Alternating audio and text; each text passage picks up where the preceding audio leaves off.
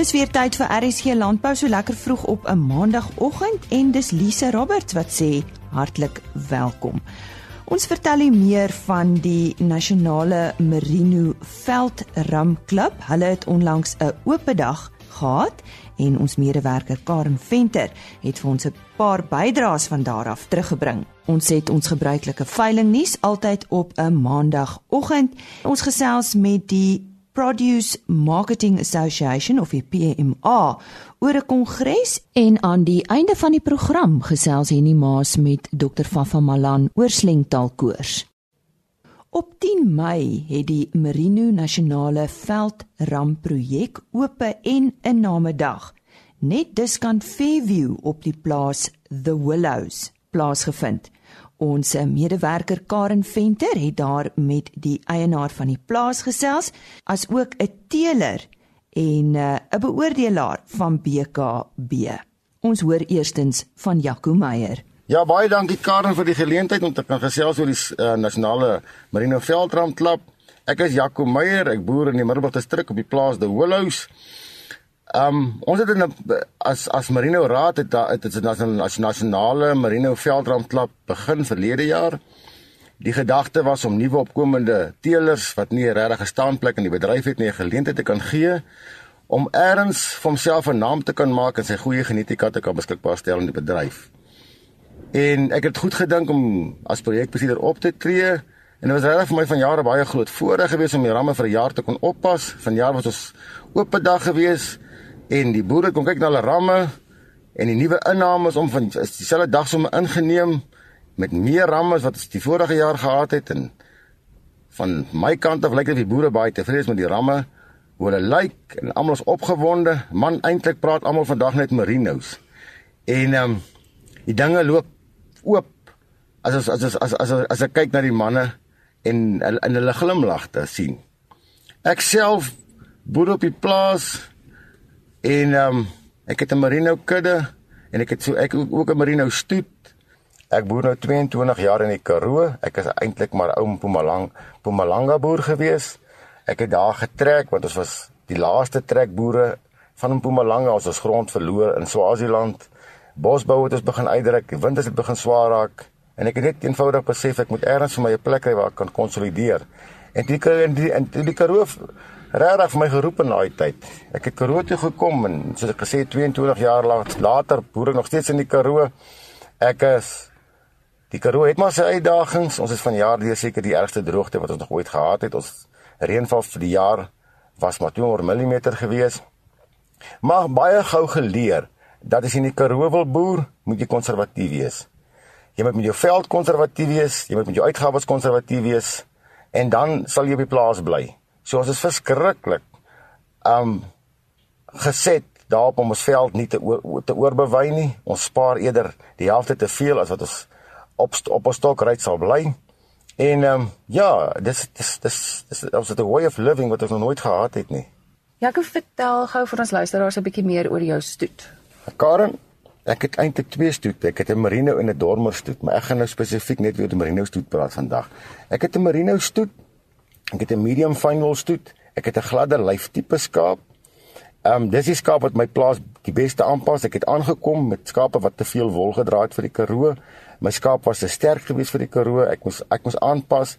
En ja, ek dink die laaste 5 jaar het ons het ons by ons doelwit uitgekom. Dit is presies wat ons wil, wat ons wil hê. Jakob, so, wat is jou stoet se naam? Um, o, my stoet se naam is Eers Laagte Merino stoet. Ek het in 19 dit sommer terloops, ek het in 19 95 het ek met het ek met dieselfde skaapie gemeet by 'n skou gewen. Die beste paar gehad, so 'n bakkie gewen. So vir my en my lewe was die Merinos nog net goed geweest. Inteendeel, alles wat ek besit vandag kom maar van 'n Merino skaap se rug af. As enige iemand graag met my wil, wil, wil praat oor Merino skaap, 'n bietjie wil Karoo kom kom kyk of al net al, al wil net kom kuier op die op die Willows, is meer as welkom. Ek gee graag my kontakbesonderhede vir jou. My e-posadres is is jacoram@ @outlook.com. Onthou ek is Jaco met 'n K nie met 'n C nie want ek is nie Jassou nie. En my telefoonnommer, selfoonnommer is 082 878 5207. Baie baie dankie. Dit was aan die eienaar van The Willows, Jaco Meyer. Karen het ook met Stefan Nudee gesels. So Stefan, wat is jou belangstelling in hierdie projek waar ons vandag is? En hier is vandag 'n paar teelers wat uit my uitteel en ek het hier om te kom kyk hoe hulle ramme gevaar het en ek wil graag sien uh hoe die volgende klomp wat kom lyk. Ehm um, en ek wil um, ook natuurlik stel ook belang om om om hierdie te sien wat al reeds hier wat al reeds hier loop wat nou uh eersdaags op die nasionale veiling gaan kom. Maar uh dit is ook die eerste keer wat ek uh hier sou hier kom uh by die by die inname. Ek was laas jaar nie hier gewees nie. Stefan, so nou watter kenmerke kyk 'n ou nou hier? Die vers, die verskil tussen hierdie veldklub en die veldklubs van mid die middel 1980er jare is dat daar was 'n verskeidenheid merinos gewees in daai tyd en vandag lyk die merinos baie eenerster. Hulle hulle hulle is baie dieselfde bloedlyne en hulle is 'n uh, hulle is 'n baie meer aanpasbare skaap as wat hulle was in die 80er jare. Uh die veld die eerste veldklubs van daai van daai tyd het uh, baie vinnig vir die teelers gewys watter watter merinos 'n mens mee moet boer want hulle is aangepas op die veld en uh, en en watter jy nie mee moet boer nie. En hoe het dit gekom dat jy ook skou? Elkeen het mos 'n storie. Uh, ek het vir 9 jaar gedien op die um, um ek was vir 9 jaar was ek op die Raad van Marine Suid-Afrika en hulle twee pogings 'n jaar aangewend waar hulle die ras regtig wil uh prom, prom, prom, promoveer. En uh een van hulle was die die die, die classic en die ander een was die nasionale veiling. Nou ek het skuldig gevoel omdat ek uh, nie in een van daai goed deelgeneem het nie. Toe ek gedink ek hou in elk geval elke 6 maande hou ek vir my 6 of 10 van my beste ramme hou ek vir myself terug en daar's geen rede hoekom ek nie met hulle kan skou nie. En ek het toe begine so op hierdie plaaslike skoue in die Karoo om deel te neem en toe later aan het ek ook begine deelneem aan die klassiek. Nou hierdie jaar ek het dit reg gekry om om van die ses ramme wat ek klassiek toe geneem het was al ses ehm um, baie goed gedoen. Uh onder andere het ek toe die groot kampioen, die SA groot kampioen ram op die klassiek gehad. Hy was een van twee uitstekende ramme wat ek geskou het in die viertand langwol en hulle het so beurte gevat om mekaar te wen by die by die gewone skoue en uh, uh hierdie spesifieke ram wat toe gewen het op die einde was toe die keuse van die keders op, op daai skou geweest. As enigiemand met my wil gesels verder oor Geelbek Merines waar ek mee boer, kan julle my gerus kontak by 076 631 2185. Dankie. Dit was aan Stefan Oudee van Geelbek Merinos en nou in die woord een van die lede van die paneel van rasinspekteurs van Merino SA wat die keuring van die ramme op The Willows behartig het. Ek is Piet Venter skaap en woladviseur vir BKB op Koelsberg. Karen, jy wil weet wat my betrokkeheid hier by die Veldram klub is. Eerstens is ek deel van die paneel van rasinspekteurs van Merino SA wat die keuring vir die ramme hier op the Willows doen. Tweedens is ek hier saam met twee van my teelers om Abraham Kreer van die plaas Rietfontein Koelsberg en Fanny Nudee van Vida Boerdery ook in die Koelsberg gestryk wat ramme hier by die nasionale Veldram klub ingeskryf het. Die belangrikheid van hierdie veldramklap is dat 'n teeler sy standaard van teeling teenoor ander teelers kan meet. Afgesien net van genetika, maar ook oor die aanpasbaarheid op natuurlike veld sonder die manipulasie van voer. Wat my belang by Stefan Ode betref waar hy gister was, is dat ek die afgelope 20 jaar of wat by sy kudde klassering betrokke is en as toetadviseur optree. Stefano D en sy broer Erik vorm saam Geelbek Elite Merinos wat twee keer per jaar die Geelbek Elite ramveiling aanbied. Die volgende Geelbek Elite ramveiling word op 25 Julie 2018 gehou waar daar plus minus 100 horing sowel as poenskop merino ramme aangebied word. As ek iets oor Stefan se skape kan sê is dat dit 'n baie eenvormige kudde is wat deur jare se seleksie in 'n geslote kudde plaasvind. 'n Paar van die eienskappe waarop klem gelê word tydens seleksie is goeie bouvorm, goeie olievloei en kleur van die wol met 'n hoë kwaliteit en goeie stapellengte. Om die stapellengte te beamoen, kan ek byvoorbeeld sê dat Stefan skeer elke 8 maande en kom daar selfs A-lengte vagte voor. Dit is ook van die terugvoer wat ons van ramkopers kry wat al jare lank by Stefan Ode ramme koop. Karen, jy sê nou jy het by Stefan van RWS gehoor. Nou RWS staan vir Responsible Wool Standard waarvan Stefan ook 'n geakkrediteerde lid en dan nou 'n wolprodusent is. RWS is 'n standaard wat internasionaal toegepas word en is in ons geval gaan dit hoofsaaklik oor oor dierewelsyn van wolskape. Dit is vir die eindverbruiker wat die wolproduk koop belangrik om te weet waarvandaan die produk kom en hoe dit dan ook geproduseer is. BKB is die eerste en die enigste wolmakelaar wat die standaard vir wolskaapboerdery in Suid-Afrika geïnisieer het. RWS gaan hoofsaaklik soos ek gesê het oor die welsyn van die diere en word baie klem gelê op eienskappe soos voeding, dieregesondheid, die infrastruktuur van die plaas en die hantering van die skape. 'n Verdere aspek wat vir RWS belangrik is, is bodembeskerming wat natuurlik ook ons natuurlike hulpbron is. RWS is gestel op weiveldbestuur volgens die draagkrag van die spesifieke omgewing, die beheer van gifplante, erosie en so meer. Indien 'n wolprodusent wil deel word van die RWS, word hy intern sowel as ekstern geaudit waarna die produsent geakkrediteer word. Geskiedenis is gemaak toe ons die eerste wolskaapplaas in Suid-Afrika geaudit is. Geaudit het en dit het gedoen en dit is gedoen by Niklas van der Merwe van die plaas Rietfontein ook in die Koelsberg distrik. Indien sekere lyne van 'n geakkrediteerde skeersel aan die spesifikasies van die verwerker voldoen, is daar vir die produsent 'n prysvoordeel ter sprake. Vir enige verdere navrae kan ek gekontak word by 082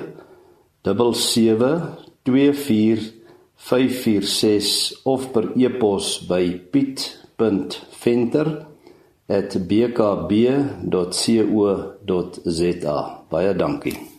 Die stem daarvan Piet Venter van BKB hy skaap en wol adviseer op Koelsberg en ook uh, een van die rasinspekteurs. Oor nou na Henny Maas. En uh, nou weer veiling nuus. Op die 12de Junie hou die Bosveld Bonsmara Klub 'n veiling by die Valwater veilingskrale Valwater. 25 geregistreerde bulle, 100 kommersiële vroulike diere en 300 speenkalvers word opgeveil deur Vleis Sentraal. Michael Lassie is die afslaer. Marcel Bonsmara se produksieveiling vind op die 13de Junie plaas by die Leeupoort plaas Rustenburg. Vleis Sentraal is die veilingmaatskappy en Michael Lassie ook weer eens die afslaer. En dan die Bovelder veiling van Wikar Boerdery en Herso Livestock word op die 19de Junie gehou by die plaas Swartfontein Vrede. 65 bulle, 60 oopverse en 50 dragtige verse word opgevou deur BKB van Wyk. Frik Verster is die afslaer. Tot sover veiling nuus. 8085. Dankie Annie. Lindy Strobel van die Produce Marketing Association of die PMA gee vir ons 'n blik op die varsprodukte bemarkingsbedryf. Nou ons hoor ook watter kwessies deesdae aangepak moet word en hoe die markte vir varsprodukte op hierdie stadium lyk.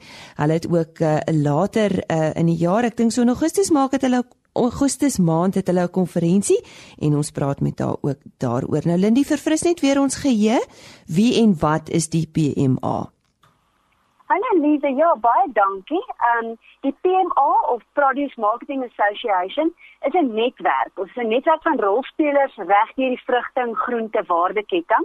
Ons het heidaglik so hier om en by 2900 lede, maatskappylede in 53 lande. So dis 'n massiewe globale netwerk. Ehm um, plaaslik het ons tans 80 lede, onder andere is daar van ons groter boere, uitvoerders, insetverskaffers, die banke en dan al die plaaslike kleinhandelaars en markagente is deel van hierdie netwerk. Hoe groot is die rol wat uh, doeltreffende bemarking in die winsgewendheid van die bedryf speel? Dit is baie belangrik en dit is ook die PMA se primêre fokus gaan oor die mark. Want weet jy mense, daar's ontsettend baie hindernisse in die landbou heidaglik of dit nou droogte en of dit nou um, politieke omgewing of beleidsomgewing is. Maar as jy winsgewend wil bly, moet jy jou oog op die bal hou wat die mark is. En daai mark um, om om deel te wees daarvan en jou deelname te kan um uh, bevestig, moet jy verhoudings met jou kopers hê en jy moet verstaan wat is die wat is die verbruikersbehoeftes. So as daar verbruikersbehoeftes is wat die produk op die einde van die dag ehm um, uh, beïnvloed, soos byvoorbeeld watse produkte wanneer jy dit lewer, hoe dit verpak moet word, watse vereistes in terme van chemikalieë wat jy gespuit kan word, die etiese praktyke. Dit is 'n klomp van dit en die, die verbruiker, ek en jy raak al meer ingelig en sodoende ook baie meer kieskeurig. So vir jou om dit winsgewend te wees en deel te neem in die mark, moet jy verstaan aan wie jy lewer. Ja, kom ons gesels juis oor die verbruiker. Hoe bly julle op hoogte van die verbruikerstendense en hoe kan kleinhandelaars ook verseker wees dat hulle een stappie voor is? Van PMA af hou ons ons vinger op die pols oor al hierdie tendense met ons groot wye netwerk um reg deur die wêreld. So ons het kleinhandelaars in China, Amerika, Europa, Afrika, Australië, oral met wie ons in kontak bly om te weet wat gebeur in hulle platforms en ons hou ons vinger op die pols om dit dan bymekaar te bring en te verpak om dan weer die ehm um, die kleinhandelaars sowel sowel as die ehm um, groeiers, die boere in te lig oor wat gebeur daar. So is dis ook belangrik vir 'n uitvoerder om te verstaan wat is die handelsvloei in die wêreld, né? Nee, waar waartoe gaan die produkte en in jou onderskeie uitvoerbestemming vir jou produk, wat gebeur met die verbruiker in die kleinhandelaarsomgewing daar? Ehm um, heidaglik byvoorbeeld as jy na China kyk met die e-commerce soos dit noem, die die on ehm um, online kope. Dis 'n heeltemal 'n ander vereistes wat van die boer en van die verspreider verg word as wat ons tradisioneel ken wat jy lewer aan 'n gewone kleinhandelaar. So daai tipe goed moet jy baie mooi weet en um, uit ons netwerke hou ons ons vinger op die pols. Um, ons kyk dan wat doen Madam Customer, né? Nee? Wat wat doen sy en hoe sy gelukkig kan word. Nou die kleinhandelaars, ehm um, soos jy weet as as een kleinhandelaar met iets nuuts kom, het sy dit 'n nuwe uh, blootstelling van die produk of dit 'n nuwe verpakking of dit organiese produkte of iets is, môre is dit die nuwe normaal. Dan is ons gewoond aan dan verwag ons dit van al die kleinhandelaars. So die kleinhandelaars hou 'n baie baie stip oog op mekaar. Wat gaan aan as hulle kan bybly by mekaar en natuurlik die ideaal is om voor te wees met die ander.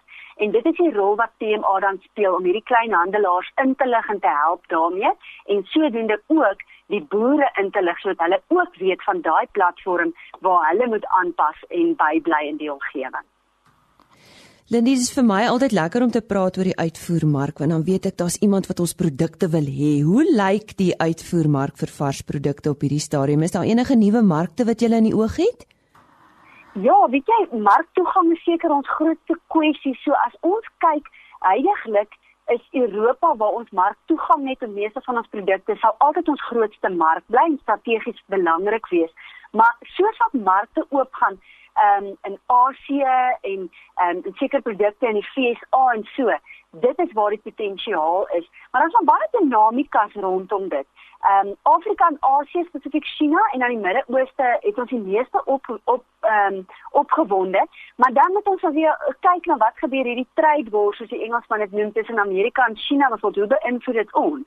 En as jy kyk na Afrika, het Botswana nou weer hulle grens toegemaak. Ehm um, hoe beïnvloed dit ons?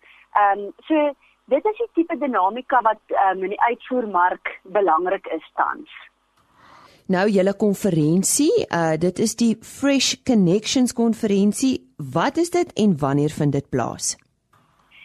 Lisa die die tema Fresh Connections Southern Africa konferensie en handelskou, so die volle naam is is die 15de en die 16de Augustus. Ehm um, dit vind hier in Pretoria by die WNR plaas. Ehm um, en dit is dis basies ons belangrikste ons noem dit touchpoint. Dis die belangrikste uh, platform waar ons dan ons lede bymekaar en met ander lede van reg oor die wêreld bymekaar kry. Wie moet dit bywoon, Lindy? Ons ons sal die hele eintlik die hele waardeketting fokus ons na. En um, omdat ons 'n markspesifieke fokus het, het ons baie van die klein handelaars wat bywoon en wat daar is beskikbaar om met die boere um, te kan uh, uh, gesels en te kan in interact soos ons in Engels sê. Nou as jy um, dit of noem, sal ek sê enige iemand in die waardeketting of dit 'n boer is en of dit 'n um, insetverskaffer is, 'n markagent, 'n kleinhandelaar, daai ouens moet betrokke wees en moet dit bywoon om te weet wat aangaan en en hulle self te kan posisioneer vir die toekoms van die in, die industrie as 'n geheel. En waar kry ons meer inligting?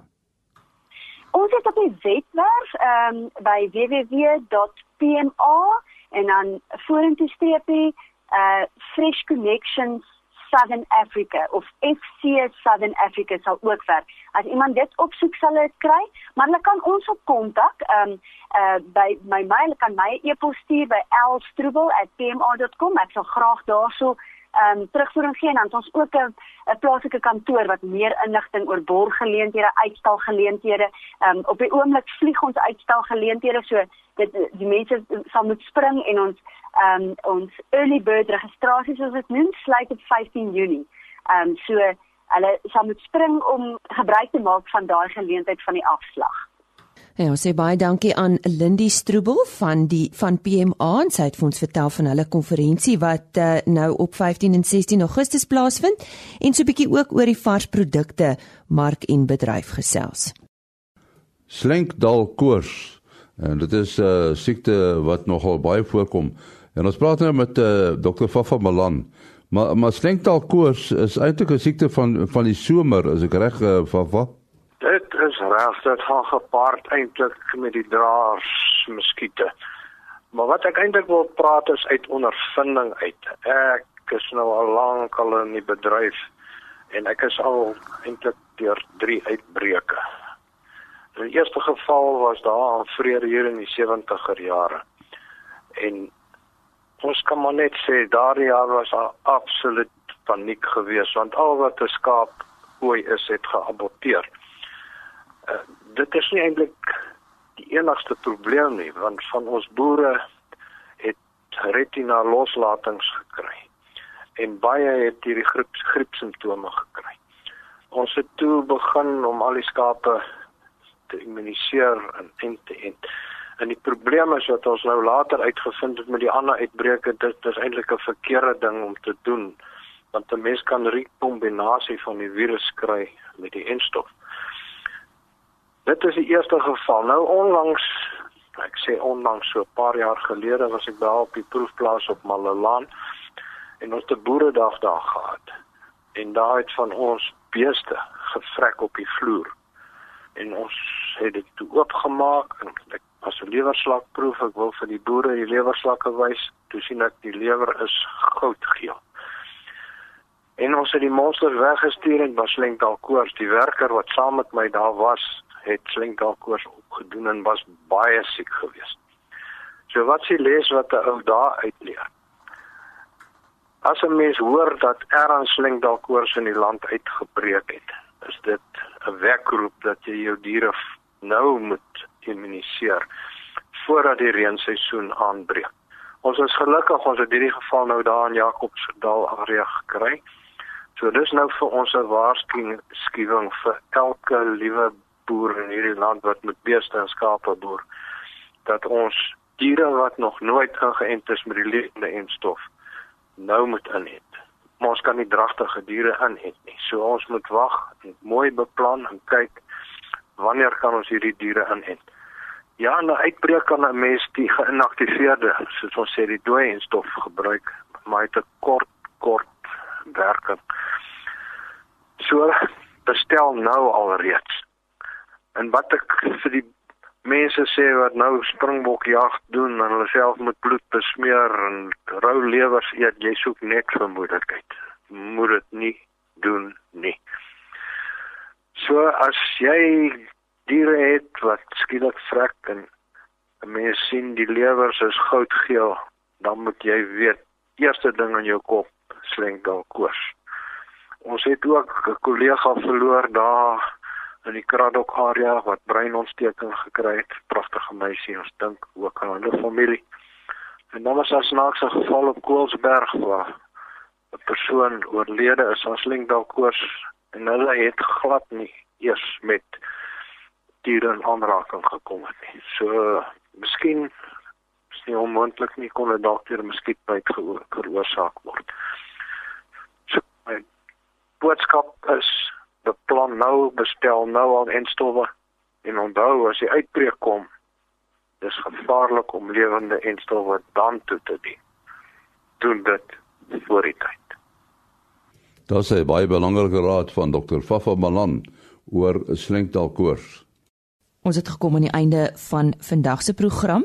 Net 'n interessante gesprek môreoggend. Melk SA het 'n groep dieetkundiges ingelig oor die waarde van melk en veral verbruikers wat deesdae ander alternatiewe drankies verkies soos uh, amandelmelk of uh, sojamelk of uh, enige plantgebaseerde melk. So luister wat uh, Dr. Tushka Reinders môreoggend hieroor te sê. Dit is dan RSG Landbou môreoggend net so skuins na 05:30.